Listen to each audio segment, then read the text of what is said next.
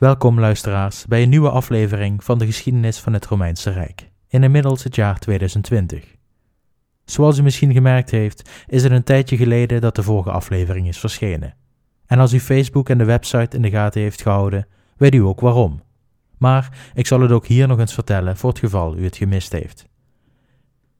Er is een korte pauze geweest in het produceren van nieuwe afleveringen, omdat ik ben verhuisd en direct daarna de feestdagen om de hoek kwamen.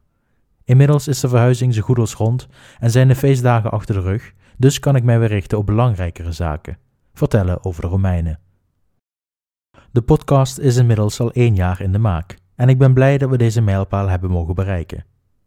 Met inmiddels 34 afleveringen gemaakt zijn we nog in het begin van de Romeinse geschiedenis. Wat wil zeggen dat we nog zeker 100 afleveringen vooruit kunnen, wat mij betreft. Tot mijn grote genoegen heb ik gezien hoe de podcast in de loop van 2019 is gegroeid tot een van de best beluisterde podcasts over geschiedenis in Nederland. Met inmiddels 125.000 listens uit 65 verschillende landen wordt de podcast veel gevonden door liefhebbers van de oudheid. En het geeft veel voldoening om te zien hoe snel jullie de afleveringen beluisteren wanneer deze verschijnen. Een speciaal bedankje gaat uit naar de plusminus 2200 vaste luisteraars die iedere nieuwe aflevering beluisteren en die berichten, steunbetuigingen of vragen stellen via de website of Facebook. Ook bedankt voor de mensen die mij bruikbare tips, aan of opmerkingen hebben gegeven om de podcast te verbeteren. Hartelijk bedankt voor jullie betrokkenheid. Ik ben van mening dat de podcast door het jaar heen verbeterd is ten opzichte van het begin. En dat was me niet gelukt zonder jullie steun. Om de groei van de podcast te blijven voortzetten, wil ik jullie nogmaals vragen reacties achter te laten op de website of op Facebook, de podcast te delen op sociale media of gewoon simpel een review te plaatsen in Apple Podcasts, Spotify of waar je ook luistert. Laten we van het tweede jaar net zo'n succes maken als het eerste. Dan rest mij u nog een gelukkig nieuwjaar en een goed 2020 te wensen. En dan gaan we nu, zo'n 2200 jaren terug, in de tijd.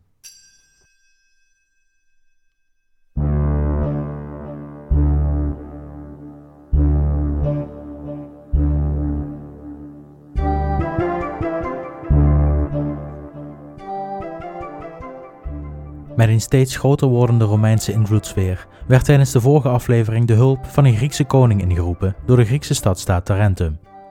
Deze koning, Pyrrhus van Epirus, stak met zijn 25.000 troepen, waaronder 20 krijgsolifanten, in 280 voor Christus de Adriatische Zee over om in Italië te landen.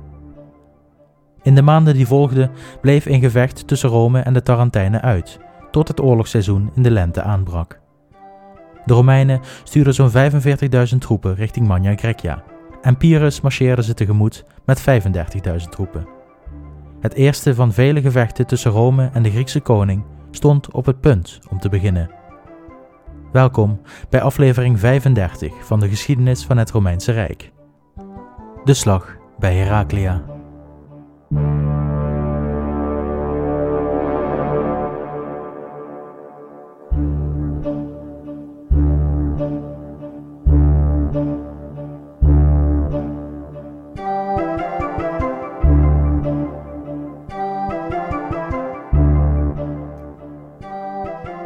Het gevecht dat stond te gebeuren vond plaats nabij de Griekse stad Heraclea.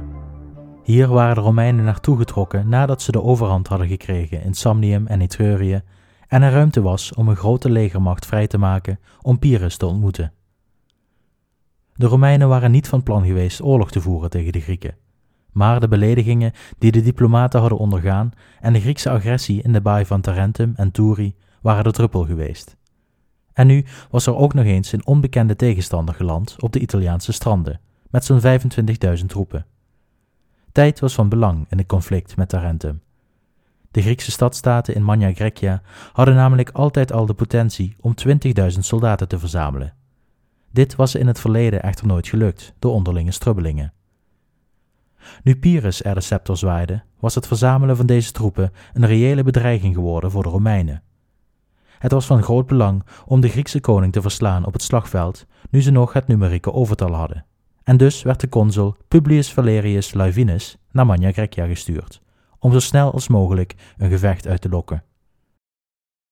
De vredesvoorstellen van Pyrrhus, wat neerkwam op een volledige Romeinse overgave, werden door de Romeinen uiteraard afgewezen.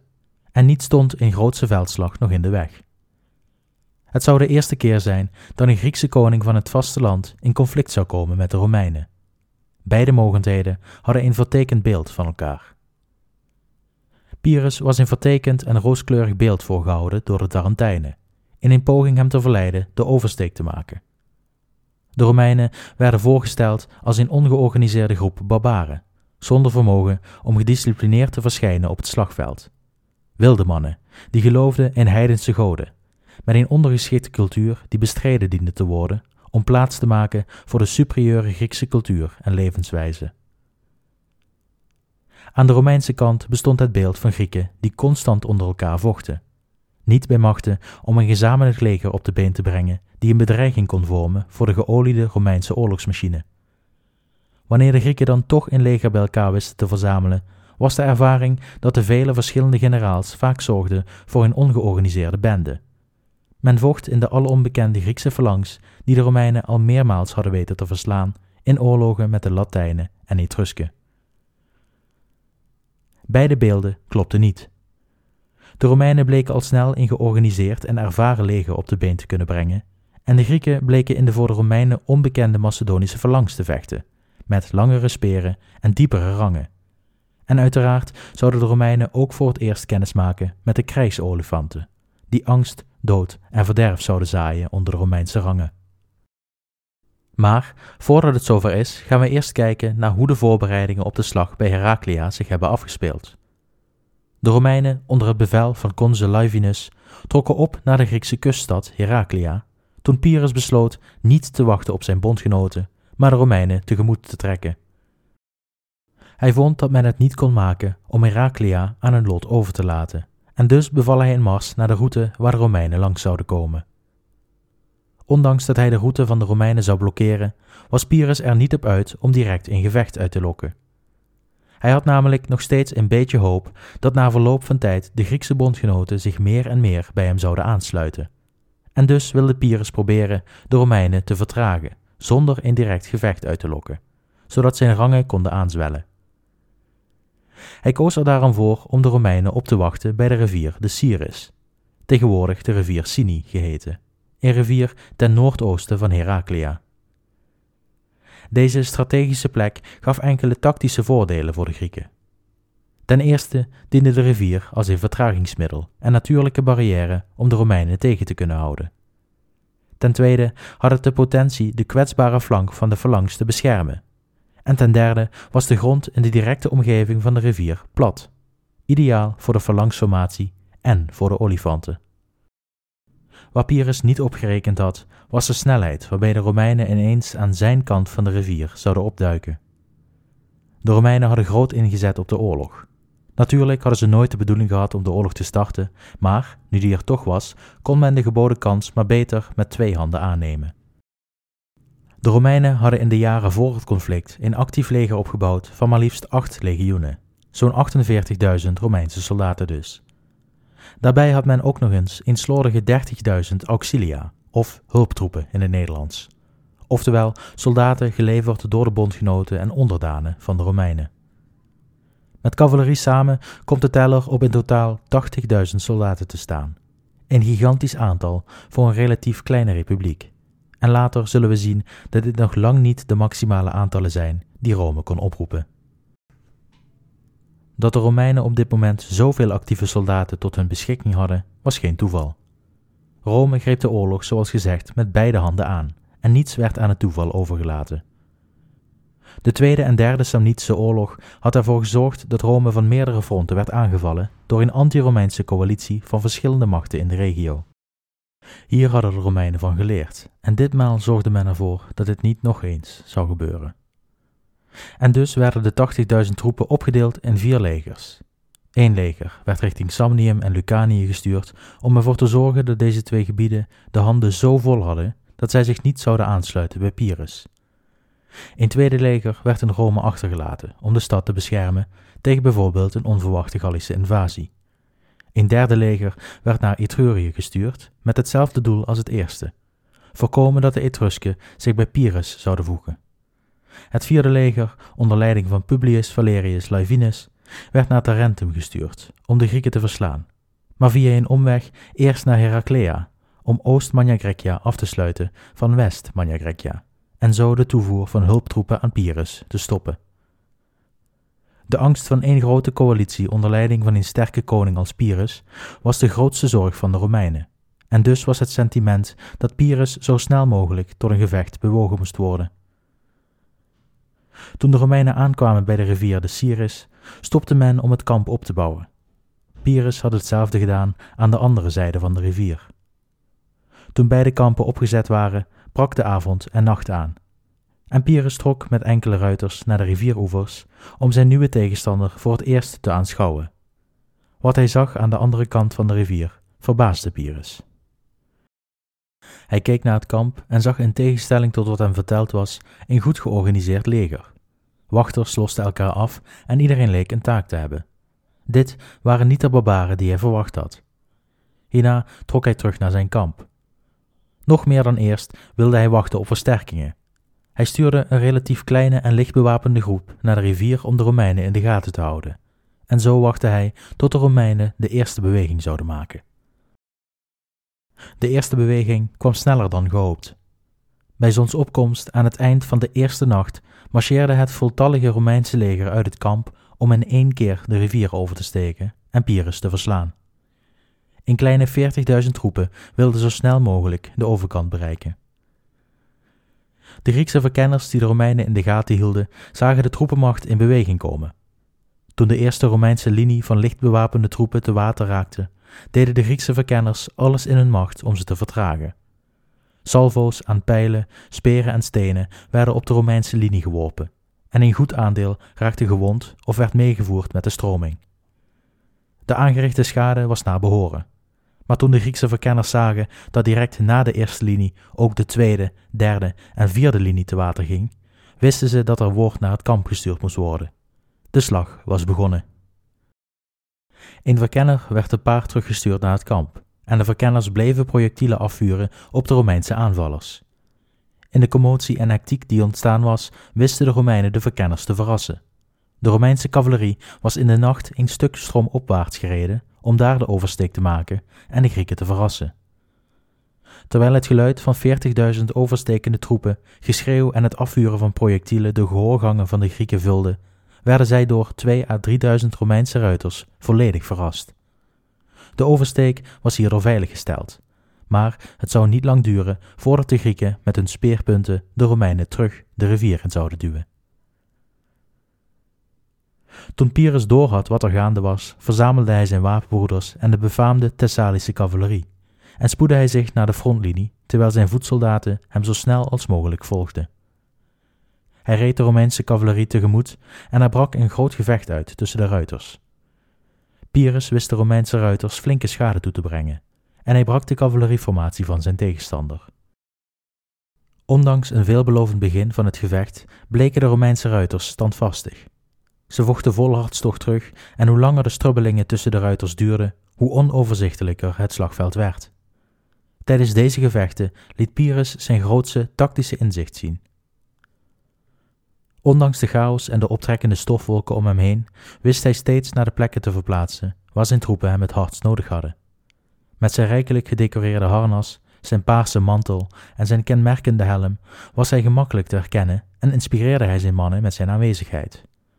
Hij vocht net als hen in de frontlinie en was veelal de eerste die in contact kwam met de vijand, in navolging van zijn grote neef, Alexander de Grote. Dit inspireerde zijn mannen en leverde hem veel respect en aanzien op, maar een dergelijke verschijning maakt uiteraard ook een makkelijk doelwit voor de vijand. Terwijl Pyrrhus naast zijn mannen vocht om de winst in het eerste deel van het gevecht, gebeurde het volgende. Een Romeinse ruiter, op zoek naar een heldendaad die zijn politieke carrière op de cursus honorum een impuls zou geven, zag Pyrrhus tussen de vechtende mannen. Hij hief zijn speer, deed een kreet naar de goden voor geluk en probeerde door zijn vijanden één voor één te verslaan, steeds dichter bij de Griekse koning te geraken. Pyrrhus' lijfwachters hadden de man wel gezien, maar Pyrrhus gaf geen bijzondere aandacht aan de eenling, en dus bleef het gevaar op de loer liggen. Dan ineens maakt de Romein een versnelling met zijn paard en stormt hij recht op Pyrrhus af.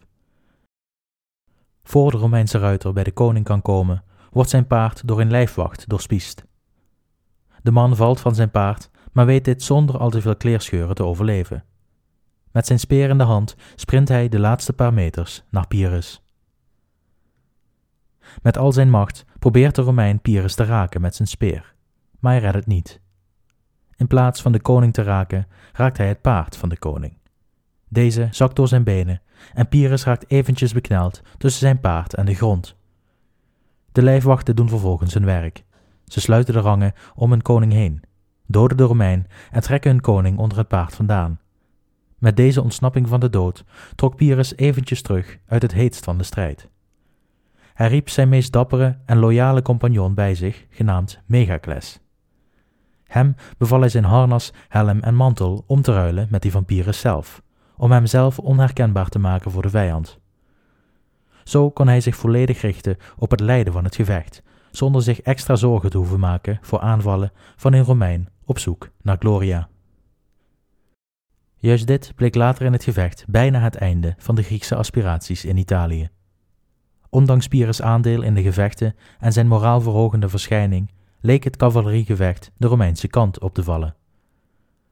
Mogelijk sloten de eerste Romeinse grondtroepen zich aan bij het gevecht na hun oversteek van de rivier, maar wat de reden ook is, Pyrrhus beval in terugtrekking naar zijn aanstormende phalanxinfanterie. Net als de Romeinen beval hij zijn ruiters om aan de uiteinden van zijn infanterie plaats te nemen. Op dit moment had Pyrrhus terug kunnen trekken naar zijn versterkte en ommuurde kamp, maar dit zat simpelweg niet in zijn karakter. Hij zou deze nieuwe vijand laten zien waartoe de Macedonische phalanx in staat was. Waarschijnlijk hoopte hij met een frontale aanval de Romeinen met hun rug tegen de rivieroever vast te zetten, met voor hen steeds naderende dodelijke speerpunten en achter hen een kolkende watermassa. Toen Pyrrhus en zijn ruiters zich gehergroepeerd hadden met de infanterie, besloot de Griekse koning tot de aanval, wederom met hemzelf in de voorste linie. De Romeinen, welke inmiddels voltallig de oversteek hadden weten te maken, stelden zich op in het manipelsysteem. Terwijl de lichtere troepen rond deze tijd waarschijnlijk al in contact met elkaar waren gekomen, kwamen nu ook de zwaar bewapende Griekse phalanxinfanterie en de Romeinse hestati, principes en triari met elkaar in contact. Na het uitroepen van de strijdkreten wierpen de Romeinen hun pila's in de epirotische rangen, om vervolgens het zwaard te trekken. Aan Griekse zijde werden de speren nu dicht op elkaar naar voren gestoken en werden de sarissa's van de achterste rangen omhoog gehouden om de pila's af te ketsen. Het gevecht dat ontstond was een meting van ongekende krachten, zowel letterlijk als figuurlijk.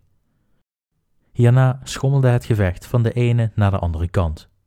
De Romeinen probeerden hun weg te banen door de schijnbaar ondoordringbare muur van speerpunten en probeerden de Grieken de Romeinen terug de rivier in te duwen. Iedere kant gaf maar liefst zevenmaal het teken om vooruit te duwen, terwijl de andere grond weggaf. Deze onbekende maar meedogenloze tegenstander bleek meer dan een match voor de Macedonische phalanx. Hoe kan dat toch?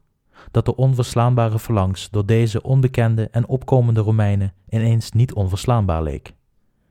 Het kan zijn dat de vele Romeinse bronnen die schreven over Alexander de Grote en de onverslaanbare Macedonische phalanx de effectiviteit van de tactiek hebben overdreven.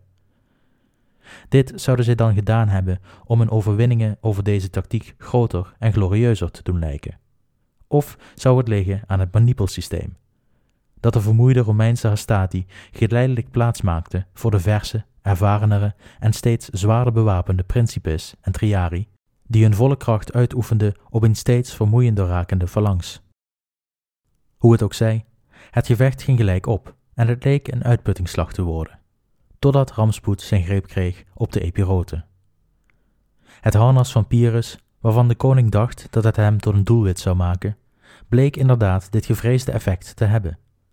Megacles, de man met wie Pyrrhus zijn harnas had verwisseld, bleek door een moedige Romein te zijn gedood. Toen de Romeinen dachten dat ze de Griekse koning hadden gedood, werd het harnas van het lijk gehaald en langs de vechtende linies van de Romeinen tentoongesteld, om hen moed te brengen en tegelijkertijd een nekslag uit te delen aan de Griekse phalanx. De parade van het harnas had het gewenste effect. De Romeinen kregen vertrouwen en de Epiroten leken te breken. Steeds meer Grieken verlieten hun positie in de phalanx, en zo kwam de onverslaanbare formatie aan het wankelen. Een Romeinse overwinning leek zeker, totdat Pyrrhus de nietszeggende helm van zijn hoofd trok en met ontbloot hoofd al schreeuwend achter de Griekse phalanx galoppeerde. Dit was het moment dat Livinus, de Romeinse consul, besloot zijn laatste truc uit te voeren. De cavalerie aan de flanken maakte een beweging weg van het slagveld om in een grote cirkel in de rug van de phalanx terecht te komen.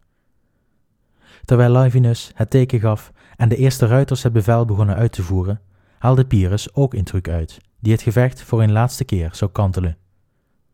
Terwijl de meeste Romeinse paarden nog bezig waren te ontsnappen van de voorste linies, gaf Pyrrhus het bevel aan zijn twintig geheime wapens.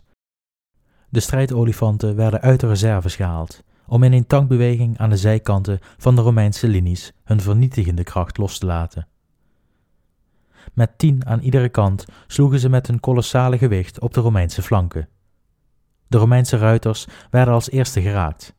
De ruiters probeerden in eerste instantie nog de paarden richting de olifanten te begeleiden, maar de dieren werden overrompeld door blinde paniek, door het getrompetter van de gigantische dieren, het wapengekletter die de Griekse soldaten in de toren bovenop de olifant maakten, en de projectielen die vanuit daar op de paarden werden neergestort.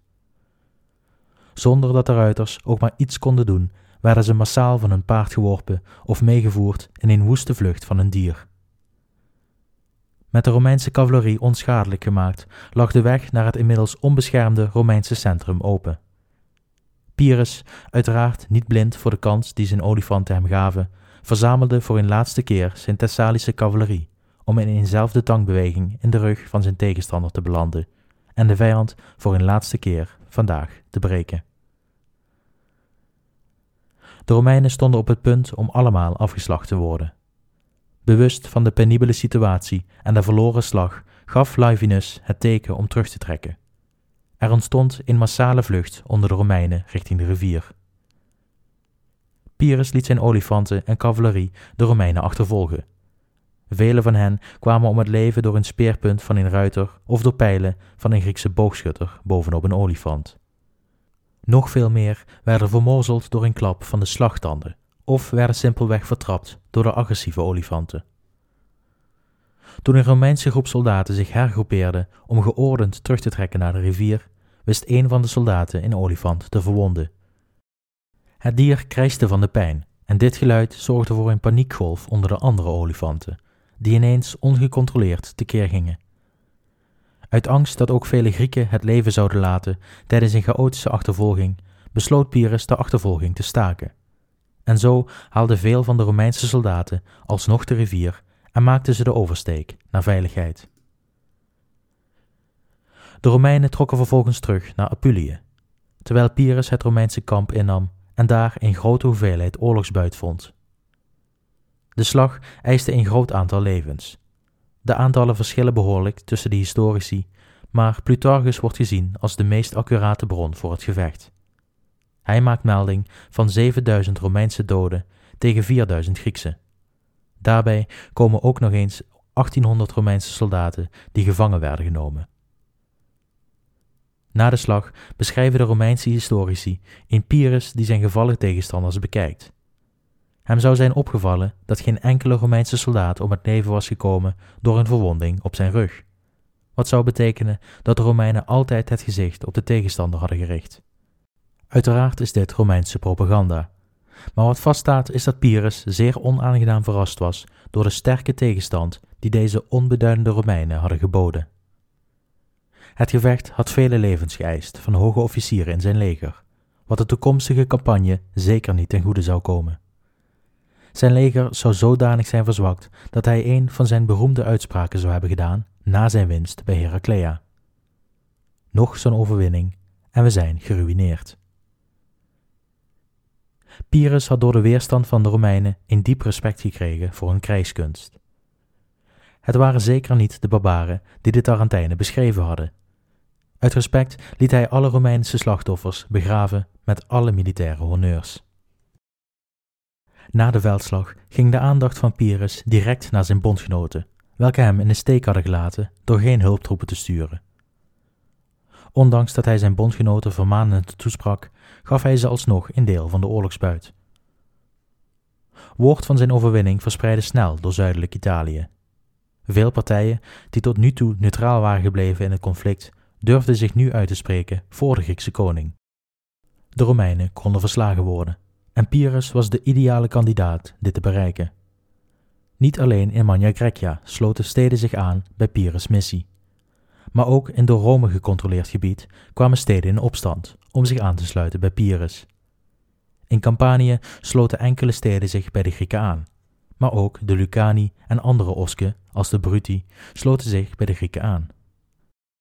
Pyrrhus had nu de steun van alle steden op het vasteland ten zuiden van Campanië, maar dus ook van enkele steden ten noorden. Zijn machtspositie was hierdoor een stuk zekerder geworden en zijn leger kon rekenen op meer recruten dan eerder. Dit was het juiste moment om op Rome te marcheren. Maar hij deed het niet. Sterker nog, hij stuurde een vertrouweling naar Rome, met als doel in vrede te onderhandelen. Deze man luisterde naar de naam Cineas. Hij zou naar Rome gaan om de Senaat te ontmoeten en te vertellen over de nobele doelen van zijn koning, in de hoop de Romeinen verstand aan te praten en hen de knie te laten buigen voor hun nieuwe koning. In Rome was het verlies bij Heraclea hard aangekomen. Het gevecht leek de goede kant op te vallen, totdat ineens twintig onbekende monsters het veld betraden en het gevecht volledig omkeerde. Wat als deze monsters aan de poorten van Rome opdoken? Niet de Romeinse krijgskunst kreeg de schuld van de nederlaag, maar eerder de consul. Pyrrhus had niet Rome verslagen, maar bleek slechts een betere generaal te zijn dan Laevinus. Hij had Laevinus verslagen, niet de Romeinen. Ondanks het verlies van Laevinus mocht hij wel aanblijven als consul en hield de Senaat vooralsnog vertrouwen in hem als generaal. Zoals de Romeinen in de toekomst wel vaker vertrouwen houden in een generaal die een nederlaag leidt. Intussen was Cineas aangekomen in Rome, maar hij ging nog niet direct naar de Senaat. Sterker nog, Cineas stelde zijn bezoek aan de Senaat steeds weer uit met steeds andere excuses. Wat kwam hij doen in Rome als hij niet met de Senaat wilde spreken? Cineas had ingeschat dat de Senaat nog niet zou ingaan op een vredesvoorstel van Pyrrhus, en dus was hij naar Rome gereisd met karren vol met luxueuze cadeaus en geld. Met name luxe vrouwenkleding had hij meegenomen, voor het geval de vrouwen van de senatoren makkelijker te overtuigen zouden zijn dan de mannen. Hij gebruikte zijn tijd in Rome dan ook om vele belangrijke senatoren thuis te bezoeken, om hen te vertellen over de nobele doelen van Pyrrhus en hen te verleiden met dure cadeaus en aan te pappen met zowel de senatoren zelf als hun echtgenotes. Hoe meer hij de ontmoeting met de Senaat uitstelde, hoe meer senatoren hij thuis bezocht, en zo verspreidde hij zijn invloed over de Romeinse Senaat. Toen dan eindelijk het gesprek met de Senaat plaatsvond, had hij vele senatoren in zijn zak. De kans dat de senatoren zijn voorstel zouden accepteren was nu een reële mogelijkheid. Cineas begon te spreken over hoe Pyrrhus niet naar Italië was gekomen om oorlog te voeren met de Romeinen, maar slechts om ervoor te zorgen dat de Grieken hun vrijheden zouden behouden. Hij had zich een nobele koning getoond door zich niet te verlagen tot het plunderen van Romeins land, en hij had een groot deel van Laevinus' leger gespaard door hen een kans te bieden te ontsnappen. Wat Pyrrhus wilde was vrede op het Italiaanse vasteland, met Rome als bondgenoot. Het precieze voorstel dat op tafel lag is onderdeel van discussie. Sommige bronnen schrijven over een heel mild voorstel voor de Romeinen. Maar gezien de machtige positie die Pyrrhus had gekregen, zijn overwinning op het slagveld en de angst die de Romeinen hadden gekregen voor deze onbekende tegenstander, is het veel waarschijnlijker dat hij harde onderhandelingen voerde. Ervan uitgaand dat Pyrrhus zijn sterke positie gebruikte aan de onderhandelingstafel, zou hij de volgende overeenkomst met Rome hebben geëist. Hij bood de Romeinen vrede, vriendschap en een bondgenootschap aan, onder de voorwaarde dat Tarentum dezelfde vrede, vriendschap en bondgenootschap met Rome aangeboden kreeg. Daarnaast wilde hij dat alle Grieken in Italië vrij zouden blijven onder hun eigen wetten en bestuur, en dat de Samnieten, Lucaniërs, Bruti en andere Osken het land terug zouden krijgen die Rome van hen had afgenomen. en als bonus voor acceptatie van het verdrag zou Pyrrhus alle Romeinse gevangenen vrijlaten zonder losgeld te vragen. Als Rome deze voorwaarden zou accepteren, zou het een grote capitulatie aan Pyrrhus betekenen. Vrijwel alle landen die zij hadden gewonnen tijdens de Tweede en Derde Samnitische Oorlog zouden verloren gaan, en verdere expansie naar het zuiden en in Verenigd Italië zou een utopie worden.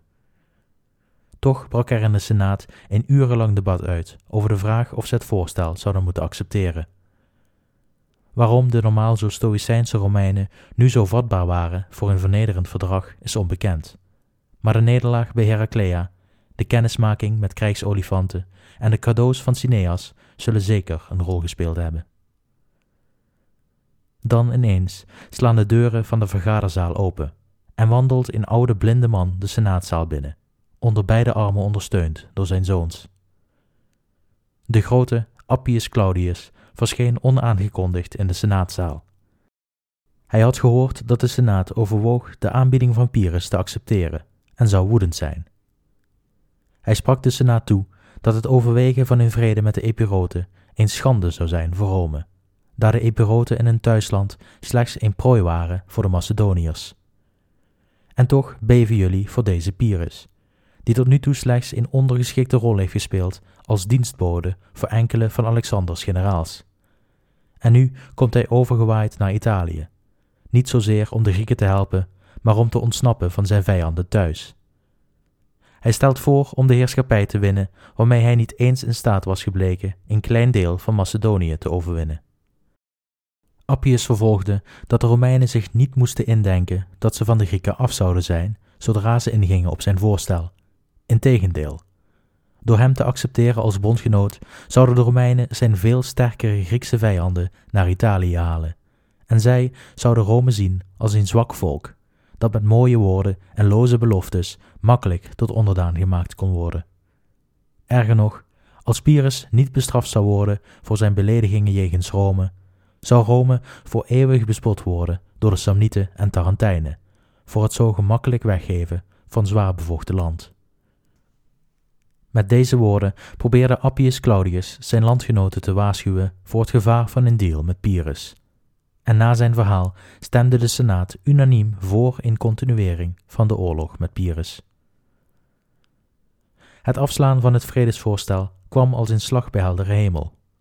Wellicht waren het inderdaad de wijze woorden van Appius Claudius die de geschiedenis veranderden, maar hoogstwaarschijnlijk ligt de oorzaak in de verschillende denkwijzen van de Grieken en Romeinen. Daar waar de Romeinen alleen van in vrede spraken bij een overgave door de vijand na een totale oorlog, was het in Griekenland gebruikelijk kleinschalige oorlogen te voeren met veel kleinere doelen op korte termijn. Ze waren dan ook vaker geneigd in vrede te sluiten met een verdrag dat de nieuwe verhoudingen goed weergaf. Dit was het gebruik in Griekenland, met uitzondering van de periode tijdens de Peloponnesische oorlog en de veroveringen van Alexander de Grote. Pyrrhus had de Romeinen dus een voorstel gedaan die in Griekenland vrij acceptabel was maar Romeinen zijn tenslotte geen Grieken. Althans, niet meer. De oorlog tussen Rome en Pyrrhus zou nog lang niet voorbij zijn. En Pyrrhus wist precies waar hij de Romeinen dit keer zou pakken. Op de plek waar het het meest pijn zou doen. De rijke en vruchtbare gronden van Campanië zouden zijn volgende doelwit worden.